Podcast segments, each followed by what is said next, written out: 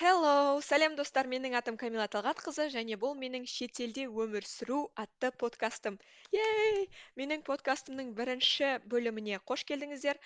Бүгінгі бөлімде мен өзімнің подкастымды түсіндіремін және таныстыру болады менің атым камила талғатқызы мен блогерман мен қазір парижде тұрамын парижде магистратурада оқимын. Менің шетелде тұрып жатқаныма алты жылдай болып қалды. Сондықтан мен өзімнің шетелдегі өмір сүру ә, тәжірибемді сіздерге түсіндіремін. Және шетелдегі қазақтармен мен көп әңгімелесемін солармен бірге келесі бөлімдерде интервьюлер болады. Және қазақтар шетелде вообще не істеп жүр сол туралы өзіміз бірге отырып шай ішіп сөйлесеміз. Ал кеттік. Өзімнің өмірімді жеті жыл бойы өзімнің блогымда көрсетіп келемін. Егер сіз оны білетін болсаңыз онда менің кім екенін не істеп жүргенімді білетін шығарсыз. Ал егер одан басқа адамдар бар болатын болса мен сіздерге өзімді таныстырып өтейін.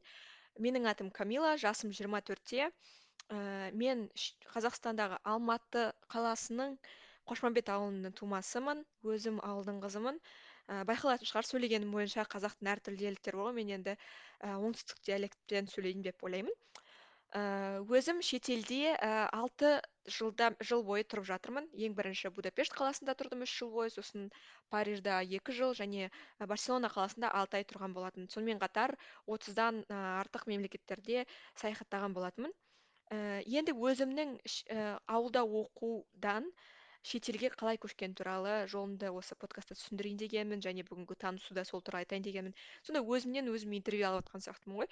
Келесі енді бөлімдерде басқа біреуден интервью аламын а то өзім өзім деп кете беремін ба? бәрін деп па? Сонымен мен ең бірінші шетелде өмір сүруді жетінші сегізінші сыныптарда байқай бастадым. Әрине мен і бәрі сияқты парижді көре бастадым.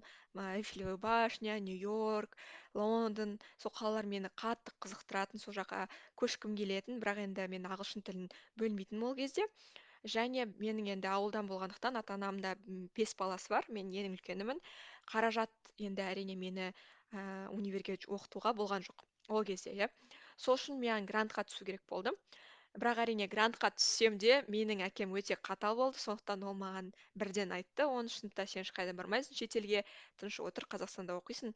Жынды болдың ба шетелге қыздар бармайды деді сосын мен а окей сорри дәт дедім да қалдым енді бірақ енді қал, қалғанның өзінде ә, мен өзіме мынандай ә, мотивация бердім. Енді жарайды шетелге қазір бара алмасам да шетелге ең жақын ә, атмосфера тапқым келеді дедім. Ал енді угадайте шетелге ең жақын атмосфера қандай? Of course назарбаев university сонда мен оныншы класста оқып жүрген кезде ә, тоғызыншы класста оқып жүрген кезде мен жүз жетпіс бесінші жаңа ғасыр мектебінде оқыған болатын. Сол жерде бізге ә, назарбаев университеттен ә, реклама жасайтындар келді. Солар деген презентация жасады біздің атриумда. Атриум дегенде біздің залда школда. Сосын мен ол презентацияны білмеген де болатынмын. Бірақ біздің мұғалімдер а мына презентацияда адам аз ақ екен жүгір барыңдар осы тоғызыншы класстарды кіргізіп отырғызып қояйық деп бізді презентацияның ортасында кіргізген болатын сол залға. Ал жарайды деп біз отырмыз. Ол жақта шулап сабақтан сабақты бөліп тастағанымызға қуанып как раз еще алгебра сабағы болған. Оны оқығым келмейді. Жарайды осы презентацияда отырайын деп отқам. Сөйтіп презентацияны тыңдап отырсақ бір кезде назарбаев университетін көрсетіп да. Мен оны өмірімде естігемін енді. Универ ладно ну сен білмейсің ғой бірақ суреттерін көрсек бәрі алтыннан жасалған сияқты. Атриумдары дәу бәрі ағылшынша сөйлейді сондай күшті бір бар ғой байларский деп айтады ғой сондай байларский шетелдерский күшті университет болып көрінді маған. Мә мына керемет қой деп достарыммен сөйлесіп отырдым. Сол кезде ііі достарыма айттым мә мен осы жаққа түсейін че то түсу оңай сияқты ғой экзамен тапсырасың и все деймін да. Мен ол кезде енді отличницамын ғой беске оқимын бәрін білемін деген сияқты. Енді мен ұрып тұр ғой андай уверенностьім иә өзіме деген. Сосын достарыма айттым да ііі осы түсемін деп сосын маған бір досым айтқан әлі есімде бар исламхан ба аты сол балам маған бұрылды да алдымда отқан естіді да мен назарбаевқа түскім келіп тұр оны түсіп кетемін деп ойлап жатқанымды сосын айтады да маған камила сен назарбаев университетіне түсетін болсаң я буду балериной деп айтты орысша еще мен деген жынды ма неге өйтіп жатасың деп ойлап қалдым. Сосын сөйтсем ііі біздің сол жүз жетпіс бесінші жаңа ғасыр универ школында президент болған екен да. Әр школда сол кезде мектепте президенттер болатын. Президент деген і в основном бүкіл школды қарайтын бала ол завучтар оған қарайды сондай сондай мен де кстати президент болуға жүз жетпіс бесінші жаңа ғасырда баллотировать еткен болатынмын сол сол бала мені озып президент болған болатын. Мен одан кейін президент бола алмай қалдым иә. Бірақ енді ол уже бөлек история. Менің историям бойынша сол біздің мектептің ең күшті президенті ең керемет бала қазақ баласы иә. Ыыы сол деген ыыы даже назарбаев университетке түсе алмай қалыпты. Сөйтіп назарбаев университет вообще недостижимый болды да біздің мектептің уровені үшін. Мүмкін і ниш қа немесе рфмш ға сол кезде екі мың он бес екі мың он алтыншы жылдары ол ііі деңгейіне сай болатын болса сол кезде бізге онша сай болған жоқ. Ііі сонымен қатар назарбаев университетіне дайындайтын курстар инстаграм деген сияқты нәрселер ол кезде көп болмаған екі мың бесінші жыл. Ойлап көріңіздерші екі мың он бес екі мың алтыншы ол кезде ондай ақпарат та жоқ екі мың он төрт екі мың он үш. Ол кезде назарбаев университеті енді ашылып бірнеше поток енді өтіп жатқан кез болатын. Сол үшін ол жаққа түсу тек министрларға бұйырған ол өте қымбат. Ол жақта грант алу мүмкін емес деген сияқты сөздер көп естілетін қой жарайды мен ол жаққа түсемін деп сөйтіп шешкен болатынмын сол кезде. Сол кезден бастап оныншы он бірінші сынып прям тоқтамай мен і барлық жинаған ақшамды мен ол кезде ііі магазинде дүкенші болып жұмыс істегенмін жүз елу мың теңге ма сондай тапқанмын как раз сол мың евро болып шыққан мың доллар болып шыққан сол кездің ақшасымен екі мың он үшінші жылдың екі мың он төртінші жылдың. Сосын жарайды деп сол ақшамды алып айлсқа курсқа жазылып ға курсқа жазылып мен і өмірімді вообще бүкіл немді сол айлсқа айналған болатын жазымды. оныншы класстың жазын оныншы класстың бүкіл сыныбын он бірінші класстың бүкіл сыныбын мен айлс тапсыруға нуфибет тапсыруға арнадым. Сондықтан бірден айтып кетейін. Назарбаев университетке түсу немесе шетелге түсу ол инстаграмда айтылатындай немесе былай ііі біреудің результатын көргеннен кейін оңай сияқты болып көрінеді да. Бірақ шын мәнінде егер сенің деңгейің онша емес болса әсіресе менің деңгейім онша емес болды ағылшын тілі ыыы маған өте қатты қиын болды ол олай дайындалу. Сонымен қатар і назарбаев университетке түсу үшін ііі пән мұғалім пән ііі емтихан тапсыру керексің ағылшын тілінде. Ал мен ойлап көріңіздер і қошмамбет мектебінде оқығанмын. Одан кейін тағы да жай мектептерде оқығанмын алматыда. Сол үшін менде ағылшын тілінде математика болған емес. Сол үшін мен математиканы ағылшын тілін үйрене басқан кезде вообще миым ашып өте қиын болған маған. Сол үшін бірден айтқым келіп тұр ол і оңай жол болған жоқ және маған фаундейшнға түстің деп хат келген кезде мә мен қуанғаным енді вообще айта алмадым. Жылағым келіп тура керемет болған бір майда айтты ғой деймін класстың майында ма сондай. Сол кезде айтқан кезде і бізде ент июньда болатын болған. ент ға бармаймын мама болды мен назарбаевқа түстім деп едім мама айтты жоқ алтын белгі аласың давай алтын белгі ал сосын деген. Ай қойшы жарайды тапсыра салайын деп ент тапсырдым. ент ға да қатты дайындалған болатынмын өйткені қазақ қазақ тілі ііі қазақстан тарихы менің ең сүйікті пәндерім болатын. Сөйтіп дайындалып және мен математикаым өте жақсы болатын. Қазір кстати бәрін ұмытып қалғанмын ғой білмеймін. Бір травма болған ба психологически өйткені мен тоғызыншы оныншы класстарда сонша оқығанымнан уже қазір миым походу жауып тастаған да ол информацияны короче сөйтіп енді ұбт ны жүз жиырма бір алған болатынмын бізде ол кезде жүз жиырма бес болатын. Сонда алтын белгімен мен мектепті бітіріп назарбаев университетінде фаундейшнді оқыдым фаундейшнді бітірдім жақсы. Одан кейін ііі shss деген і humanities and social sciences international relation and political science деген енді білетіндер біледі. І халықаралық м қатынастарға түскен болатын бакалаврға. Сонда назарбаев университетінде былай ғой бір жыл ыыы мысалы тіл оқисың иә фаундейшнда. І сонда ағылшын тілін дамытасың. Ол жай ғана ағылшын тілі сабақтар болған жоқ бізде деген мысалы математика ағылшын тілінде болды философия болды әртүрлі сабақтар болды да. Ііі мысалы биология саласына түсіп жатсаң онда сенде биология ағылшынша болды мен деген биология емес хуманитисқа түстім. Хуманитис деген гуманитарный сонымен гуманитарный сабақтар ағылшын тілінде бір жыл бойы бізге үйретті. Керемет сол маған не берді десе болады андай. Ыыы прям знание берді бір жыл бойы ағылшын тілін оқыдым одан кейін бір жыл оқып болғаннан кейін ііі бакалаврға халықаралық қатынастарға түскен болатынмын. Ол бакалаврды бірінші жылын жақсы бітіріп екінші жылының жартысын да жақсы бітіріп бірақ одан кейін осы жартысына келген кезде ойлана бастадым менің арманым бар еді ғой деп. Мен че то назарбаев университетте оқып жатып ұмытып қалдым ғой арманым қандай екен деп ше. Менің арманым ол шетелде оқу болатын және шетелде халықара андай ііі международный компания. Енді өзімше ол қазақша айтпай ақ қояйыншы потому что кейбір сөздерді все таки қазақша ұмытып қалғанмын. Мен пожалуйста ұрыспаңдаршы шала қазақ деп.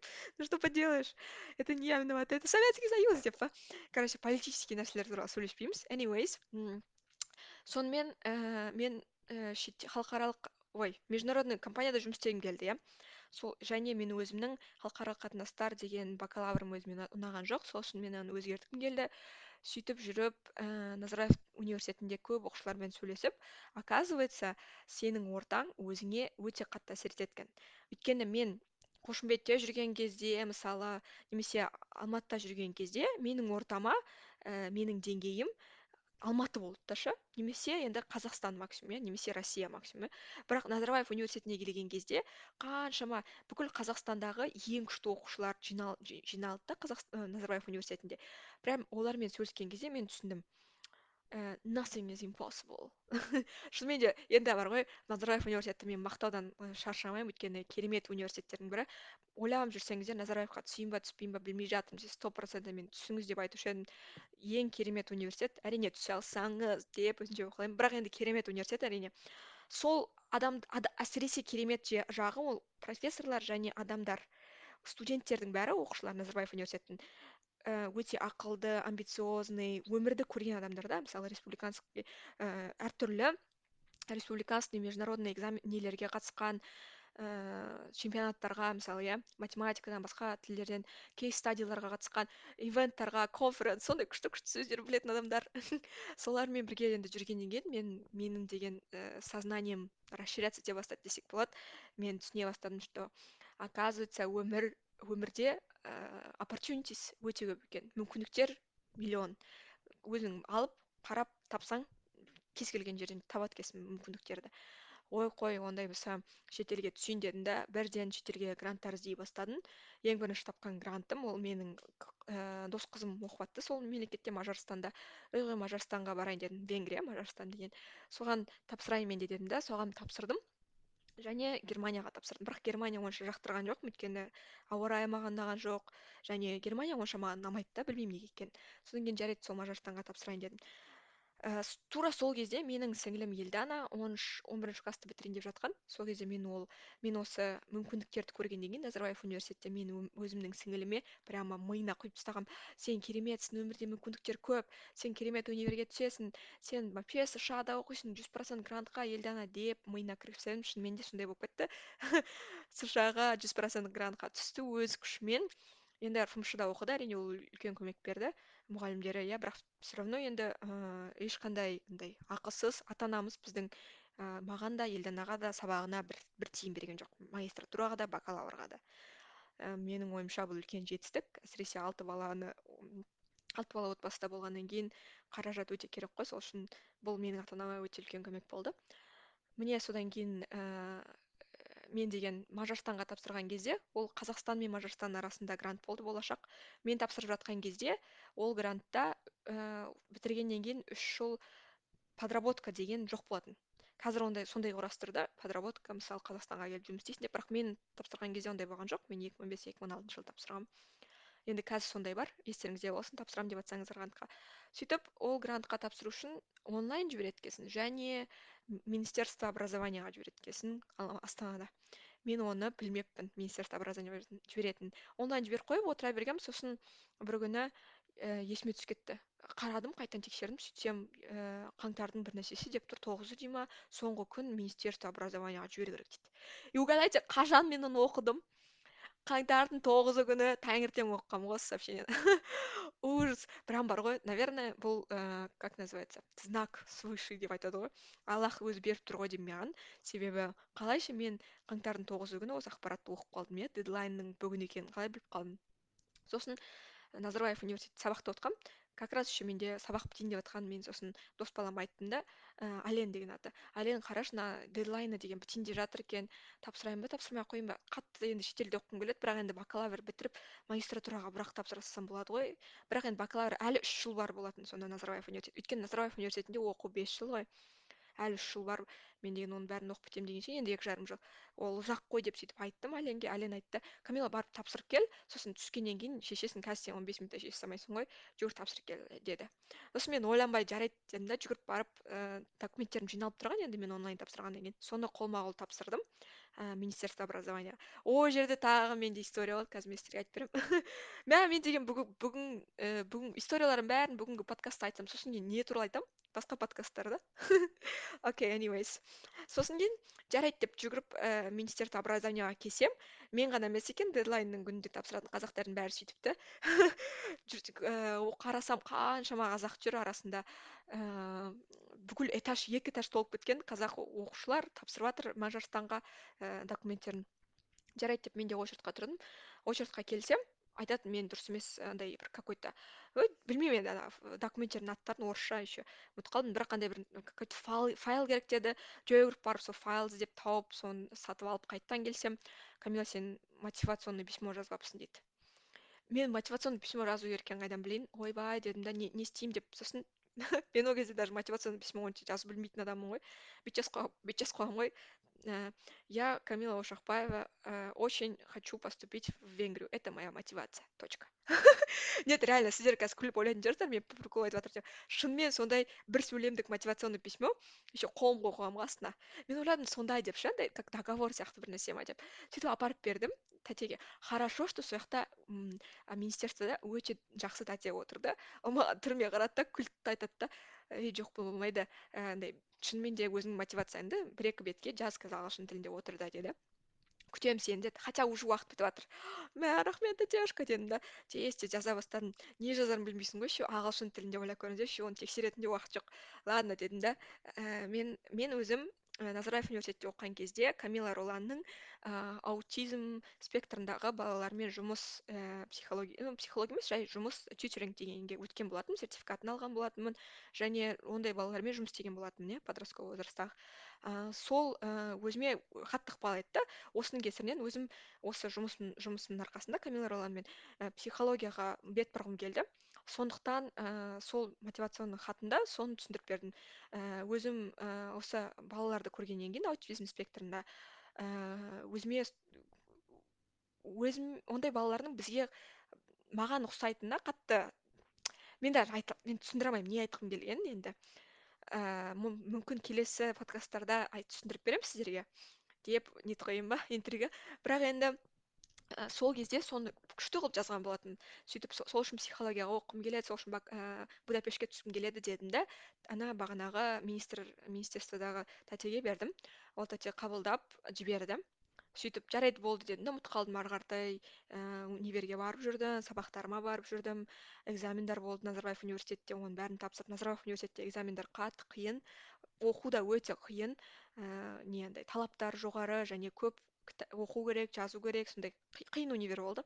Сосын деген сөйтіп жүрген кезде бір күні маған келеді ііі хат камила сіз деген мажарстанға венгрияға йотош университетіне психология бакалаврға түстіңіз дейді. Ну мен енді өтірік айтпай ақ қояйыншы мен шок болған жоқпын. Неге шок болған жоқпын? Себебі мен сто процент түсетінімді білдім. Неге екенін білмеймін. Назарбаев университетінде де солай болған. Мен омочкасты бітірген кезде ент да таңдайсың ғой андай универлерді. Жас болғаннан кейін мен бір универ таңдаған жоқпын. Вообще ноль таңдадым. Өйткені ойладым не үшін таңдаймын мен уже назарбаевқа түсемін сто процент мен білемін таңдамай ақ қояйын дедім. Өйткені білмеймін неге екенін сондай сезім болды менде. Сол үшін басқа біреудің орнын алмай ақ қояйын дедім да мен ент ға вообще жазған жоқпын ешқандай универді. Мен даже білмеймін оны қалай жазу керек екенін. Сөйтіп таңдамадым ешқандай универ. Осы сосын будапештке түскенде де ешқандай басқа универге тапсырған жоқпын. Тек будапештке тапсырдым. Себебі білдім түсіп кететінімді сездім өзімнің сондай күшті қыз екенімді. Шучу шучу. Сөйтіп ііі универден жауап келді. Қатты қуанып мамаға айттым мам мен түскім келеді. Грант па мама айтты сосын мә ол ақша көп тұратын шығар дейді. Жоқ менде грант бар мам ол деген полностью төлейді сосын деген грант грантқа бәрі ақша жетеді деп қоямын. Гранттың өзінің бағасы жүз сексен мың теңге ма? Жоқ сол кезде сексен бес мың теңге ма? Жоқ жүз жиырма мың теңге болды кажется. Жүз жиырма мың теңге ол жетпейді ғой все равно. Ііі бірақ енді мен жетеді мам бүйтеді сөйтеді деп сөйтіп неттім. Ал енді ііі артқа қайтайық мендегі бұл аудиоларды қосайын ба мен білмеймін қалай қосу керек екенін сол үшін аузыммен өсе беремін пока типа это перематывание. Перематываем назад естеріңізде бар ма? Мен сегізінші тоғызыншы класста шетелге түсемін деген кезде менің әкем айтқан болатын жоға түспейсің қазақтың қыздары қазақстанда тұру керек деп айтқан болатын маған. Сол үшін түспеген болатын. Енді бірақ енді мен өстім ғой кішкене назарбаевқа түстім кішкене көрсеттім мен өзімнің жауапкершілігі бар қыз екенімді. Сосын мен айттым пап мен түскім келеді мен барғым келеді папа сразу айтты ақша ақшада не болады қиналамыз бір нәрсе бір нәрсе деп. Сосын мен есімде бар бұны мен айтып жатқан бұны біз турцияда шешіп жатқанбыз турцияға барғанбыз семьямызбен мама мама бәріміз. Сосын отырмыз да сосын айттым ііі алты ой бес інілі сіңілдерім папа мамам отырған кезде мама айтты давайте голосовать камила шетелге барсын ба? деді. Бәрі конечно қолын көтерді и папа последний болды. Сосын мен папаға айттым пап мен осы бар ғой ііі осы жіберсең мажарстанға будапештке. Мен вообще ақша сұрамаймын дедім вот ноль ақша сұрамаймын дедім вообще. Бәріне өзім үлгеремін і қорықпаңыз маған жетеді нем грантым деп айттым. Мен ол кезде даже қарамағанмын да ғой квартира қанша тұрады венгрияда қанша тұрады деп. Вообще ешнәрсе қарамағанмын ғой. Просто сендім да өзім мә қазір ойлаймын да мә не деген не деген қорықпайтын адам болғанмын деп ше. Қазір енді уже жасым келіп кішкене қаттырақ қорқатын болған соң ғой. Бірақ м бұл бұны тағы да қосатыным. Будапешт өте қауіпсіз қала өте прям бар ғой. Ііі парижбен және басқа қалалармен салыстырғанда сол үшін маған қатты повезло десек болады. Өйткені мен тура осындай түріммен парижға түскен болатын болсам бакалаврға менің история жизни вообще бөлек болатын еді. Мен жылап бір жыл бірінші жылда жылдан кейін қайтып кетер едім. Сол үшін оны да еске алыңыздар. Шетелге түскен кезде себебі түсіп бара жатқан қалаңызда үлкен әсер етеді. Себебі бір қалада ііі сіздің өміріңіз қауіпсіз арзан студенттік өмір көп студенттер көп қазақтар көп болуы мүмкін және ауа райы қолайлы будапешт сияқты иә будапешттің ауа райы алматы сияқты тура. Кейбір қалалар мысалы париж сияқты болуы мүмкін немесе берлин ауа райы жаман күнде бұлтты болып тұрады қазір бұлтты болып тұр например айнаға қарасам ой терезеге қарасам сонымен қымбат болуы мүмкін және кішкене қауіпті болуы мүмкін өйткені адамдар көп туризм көп сол үшін ұрлайды деген сияқты андай мындай соның бәрін ескеру керек иә. Бірақ енді мен оның бәрін ескерген жоқпын. Өйткені менде тек арман болды және удача мынау менде просто удача болды шынымды айтсам. Ыыы сосын жарайды дедім да папам папам айтты жарайды онда жіберемін деді. Сен егер жүз процент ақша сұрамайтын болсаң өзіңмен өзің жүретін болсаң жіберемін деді. Бұл ақша сұрамау туралы тағы менде история бар. Уже дегенмен жиырма бір минутқа сөйлеппін ғой. Бұл историяларда мен будапешттегі өмірім туралы историялар өте көп. Өйткені мен үш жыл бойы будапештте тұрдым ғой. Мен менің ойымша бұл тағы бір оған подкаст бөлімін арнау керек сияқты. Себебі бүгіндікке миллион информация қосқан болат қосқан сияқтымын. Сөйтіп енді ііі будапештке жиналғанымды визамды будапештке қалай болғанымды келесі бөлімде айтып беремін деп ойлап тұрмын. Бірақ енді ііі сіз деген осы подкастты соңына дейін тыңдасаңыздар және өзіңізге қызық болатын болса достарыңызбен бөлісіп ііі және мені сөйтіп қолдап жіберсеңіздер болады. Және де комментарийға немесе менің дайректіме немесе менің ватсабыма вообще маған звондап үйіме келіп есікті тықылдатып камиланың подкастын жақсы екен деп айтқыңыз келсе тоже айтсаңыздар болады. Келесі бөлімде ііі мүмкін осы будапештті айтамын немесе басқа тағы да интервьюға і қонақ келуі мүмкін. Білмейміз енді мен өте спонтанный адаммын сол үшін мен білмеймін не болатынын. Бірақ енді бастамасы басталды. Мен менің осындай подкастымды тыңдағаныңызға рахмет. Ііі енді бірінші подкаст болған үшін онша ұрыспаңыздар енді і минустар болыватса ақырын ақырын жөндеп келеміз ғой. Рахмет үлкен келесі кездескенше. Сау болыңыздар.